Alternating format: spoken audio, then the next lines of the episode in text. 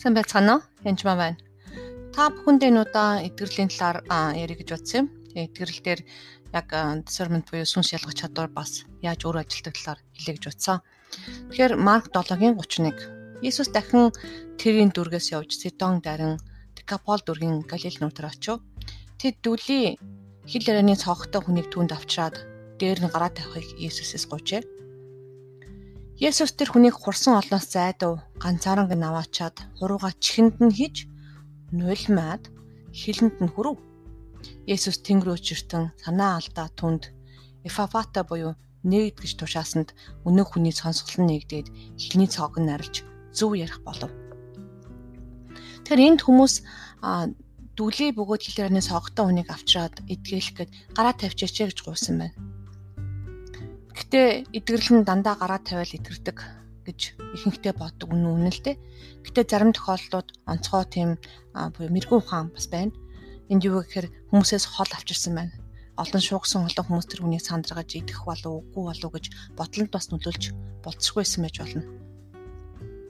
Ямар ч байсан Иесус олноос зайдуу ганцаараа навчаад хурууга чихэнд нь хийж нулимад хилэнд нь хүрсэн. Тэгэхээр хүн сонсгоод сонин юм хийсэн гэсэн үг. Ангахаар бол тайлбарлахад дүлээ болон хэлгүү тийм хүнийг чихэнд нь нулимчаар идэгчнэ гэсэн ямар ч ойлголт байхгүй. Тэгэхээр а шашны хүнсээ өвд ч гэсэн боломжгүй зүйл гэсэн үг. Тэр энэ энийг мэрэгүү ухаан буюу итгэл төр мэрэгүү ухааныг хэрэглэж байгаа нь хэрэг.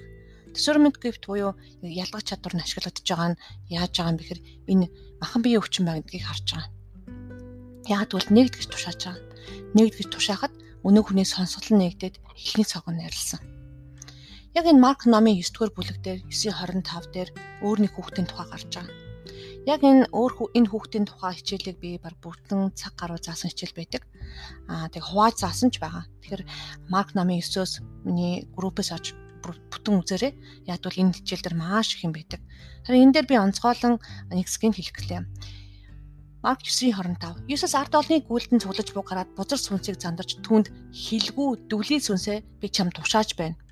Түүнээс гар дахиж түүнд бүү ор гэж хэлв. Тэр сүнс бархиж хөг маш татуулзуулаад түүнээс гарав. Тэгэхээр энэ удаа адилхан дүлийн хүн байсан байна. Хилгүү дүлийн. Яг энэ сүнсэн дээр хилгүү дүлийн сүнсээ гар гэжэлсэн. Хүүхдийг хилүү хилгүү дүлий байлгаж байгаа нь хүүхэд биш сүнс. Тэгэхээр заримдаа зарим хүн дотор хилгүү дэлгүүсэнс орсон ч юм уу хараа мутаа сүнс орсон тохиолдлуудыг би мэднэ. Тэгэхээр discernment gift буюу сүнс ялгах чадвар яг энд эн чин сүнс нөгөөх нь махан бие гэдгийг ажиллаж байгаа. Махан бие дээр ч гэсэн бүх дүлийг хүнийг нэгтгэж залбирна гэсэн утгатай гэж бодож ойлгоо за. Заримдаа би танарт хамгийн ихэнд хэлчихсэн миний нөхөр яг нэг чихэн сонсгол муутай байсан. Тэр нь хүүхд хатгаа тэрнээс болоод сонсголгүй маш олон удаа одоо булаг гождог хэцүү дэмждэгэ хэлгээд болоог байсан. Тэгээ хамгийн сүүлд нь эн чинь уучлах хэрэгтэй байна гэж хэлээд тэгэд уучлсан байгаа. Чин сэтгэлээсээ ямар ч асуудалгүй уучлаад нөгөө хүний ерөөсөө дараа аа маа нөхрийн чих 2 заа 3 хоногийн дараа бүрэн сонсдог болсон гэсэн үг. А дараа нь би нэг чихэн сонсохгүй байгаа хүмүүст нэгд гэж нэлийн хэд удаа залбирсан. Тэгээ бүр шувуутай хамталт хүртэл залбирсан шүү шууж эргээлж юусо шууны дуу сонсохгүй тийм байсан. Дараа нь нэг хүнийг нэгдгээд залбирсан чинь ямар ч нэгдлээгүй чинүүч болоог байсан. Тэгээ сүүлд нь би асуусан. Энэ чих яг яасан бэ гэсэн чинь би хэнгэрийн цорц юм аа. Тэгээд маш их булаг гардаг байсан. Янз бүрийн хүмүүн цогсон мөксөн юм бол байхгүй. Зүгээр л би ингээд халуур чанаа түрээд ингээд өвдсөн байгаа гэжэлсэн. Ингээд чихний өрсөл болсон гэж бас хэлсэн. Тэгэд хүүхэд байхын дээр чихний өрсөлтэй холбоотой буюу хэнгэрэг цоорхон асуудлыг хэнгэг харин нөхөөгдөж хэлсэн. Тэгэхээр альва нэг өвчнийг харахтаа нурууны өвчнийг ч юм уу эсвэл ингээд зөвхөн чихэн дээр хүртэл олон төрлийн өвчин байж болох нь. Тэр өвчин нь гомдолтой холбоотой орж ирсэн байж болно. Эдгэрл нь магадгүй нулимд чих янз бүр юм хийгэж эдгэрдэг, эсвэл нэгд гэж хэлэхэд эдгэрдэг, эсвэл сүнсээ нөхөөгдөг гэд.